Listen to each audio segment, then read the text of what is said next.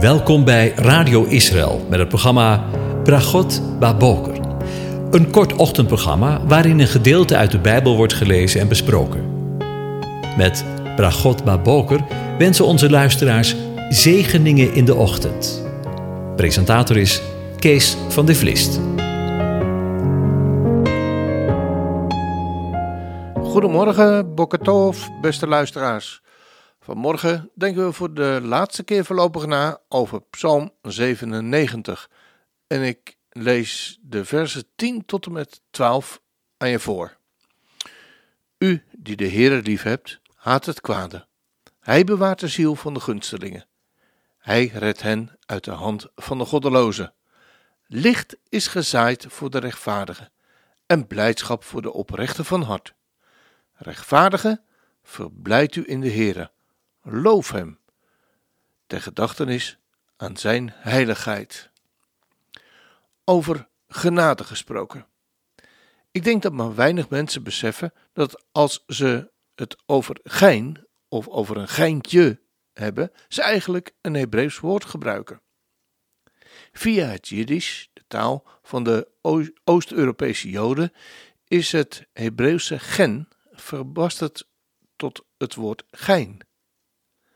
En zo, op het eerste gezicht, lijken maar weinig overeenkomsten te zijn tussen een geintje, en dat is een grapje, en tussen genade, zoals dit Hebreeuwse woord gen vaak in de Bijbel is vertaald.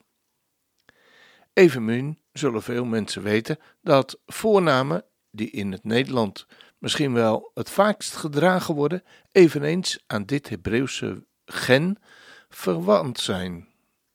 Jan, Johan, John, Joop, Anna, Hans, Janneke en Annie en nog vele honderden andere namen zijn varianten van het Hebreeuwse namen Jochanan, in het Grieks Johannes en Hanna. In al deze namen vinden we het gen eveneens terug. Jochanan betekent de Heer is genadig en Hanna de begenadigde. Dat wil zeggen, zij die genade ontvangt. Dat is best wel bijzonder. Er zijn zoveel mensen in Nederland die van God of gebod niet meer of niet willen weten, maar bij wie in hun naam toch nog iets herinnert aan de genade van hun schepper. Maar wat is gen nu precies? Het komt nog het meest overeen met onze onverdiende gunst, zoals we in Psalm 84, vers 12 lezen. Want de Heere God is een zon en schild. Hij heeft genade, hij geeft genade en ere. God is degene die genade geeft. Van hem gaat het initiatief uit.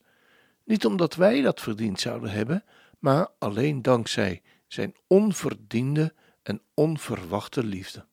Zo wordt gen de basis van de relatie met God. Als er gen is, ontstaat er een relatie tussen God en tussen de mensen. Er groeit vertrouwen en liefde. Dan kan de sfeer zo ontspannen zijn dat er plaats is voor gein. Immers, de relatie en het leven met God is geen kommer en kwel. Maar hij wil blijdschap en vreugde geven. Daarvan wist David al te getuigen in Psalm 97, zoals we juist zojuist gelezen hebben. Rechtvaardige, verblijd je in de Heere. Loof hem ter gedachtenis van zijn heiligheid. Er is nog een ander woord in het Hebreeuws dat in een aantal Bijbelgedeelten evengoed met genade vertaald kan worden, en dat is geset, zoals we in Psalm 97 lezen. Dit woord kennen we ook vanuit het Nederlands. De Chassidim Hebreeuws voor de vromen, zijn de ultra-orthodoxe groepering binnen het Jodendom. Ze zijn te herkennen aan hun kledij, hun bontmutsen en hun haarlokken, die van de zijkanten van hun gezicht afgroeien. In het woord chassidim vinden we het woord geset terug. Vaak wordt geset vertaald met goede tierenheid of met liefde. Bijvoorbeeld in het steeds terugkerende refrein van Psalm 136. Loof de Heere, want Hij is goed. Want Zijn gezet, vertaald als goede tierenheid, is tot in eeuwigheid. Goede tierenheid is een woord dat maar weinig mensen buiten de christelijke gemeentes kennen. Het betekent zoiets als barmhartigheid. Maar als je dit in Psalm 136 vervangt door genade, wordt het meer concreet. Geset wordt meestal gebruikt als twee partijen een verbond met elkaar sluiten. Ze beloven elkaar geset. Dat is trouwe bijstand. Maar als de eeuwige een verbond met de mens sluit, dan komt het initiatief uitsluitend van zijn kant. De mens is degene die ontvangt. Daarom kan de profeet Micha ook zeggen, in hoofdstuk 7, vers 18: Wie is God als gij, die de ongerechtigheid vergeeft en de overtreding van het overblijfsel van zijn erfdeel voorbij gaat, die zijn toorn niet voor eeuwig behoudt, maar wel heeft in gezet, goede tierenheid, genade. Daarom is de vertaling van het Hebreeuwse woord gesedim met vrome enigszins misleidend. Het suggereert dat vromen mensen zijn die vrome daden en werken verrichten. Maar een chassid, een vrome, is letterlijk iemand die de geset, de genade van God heeft ervaren. Dat wil zeggen, hij heeft een levende lijve ervaren wat Gods geset, zijn genade precies inhoudt. Als dat geen zegen is. Hiermee willen we dan de overdenkingen van Psalm 97 besluiten. Want uiteindelijk draait het allemaal om onverdiende genade. Amen.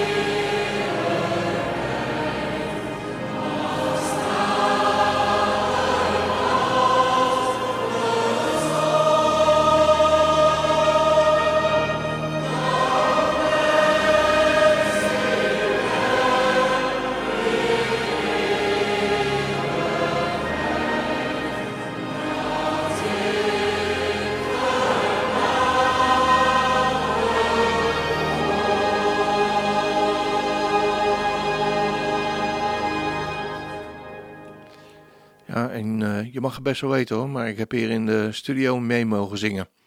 Wat geweldig hè, dat we gered zijn en dat we genade gewonnen hebben in de ogen van, van de Heere God. Hadden we niet verdiend, maar wel ontvangen, als dat geen liefde is. We eindigen deze uitzending met uh, u een gezegende dag toe te wensen. De Heer zegene en hij behoedt je. De Heer doet zijn aangezicht over je lichten en is je genadig. De Heer verheft zijn aangezicht over je en geeft je zijn vrede.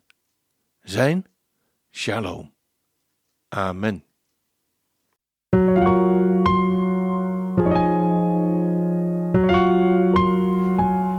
U hebt geluisterd naar het programma Bragot Baboker.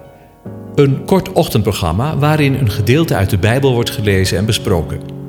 Wilt u het programma nog eens naluisteren, dan kan dat. Ga naar radioisrael.nl en klik onder het kopje radio op Uitzending gemist.